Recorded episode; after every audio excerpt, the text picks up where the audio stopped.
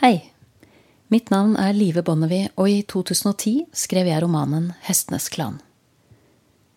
Det var en ganske selvbiografisk fortelling som bygget på et liv levd og 30 år tilbrakt med hester. Nå har jeg vært sammen med dem i ti år til. Spørsmålet er om 40 år er nok til å gjøre deg utlært når det gjelder hester. Og svaret er selvsagt ikke. Jeg kan ikke engang si at jeg sitter med flere svar enn spørsmål. Jo mer tid du tilbringer med hester, jo mer ydmyk blir du.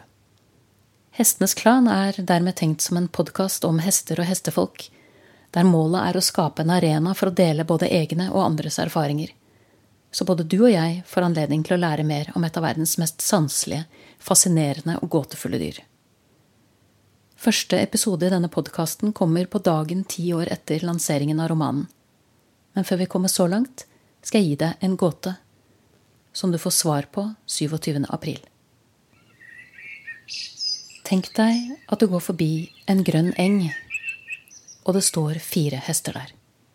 Den første hesten er rødblakk med stiv, svart man. Den mangler pannelugg, har hvit mule og lys buk.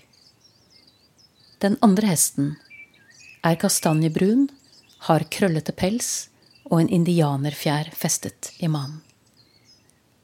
Den tredje hesten er en svart, høyreist hingst med skinnende blank pels og en grime av gull.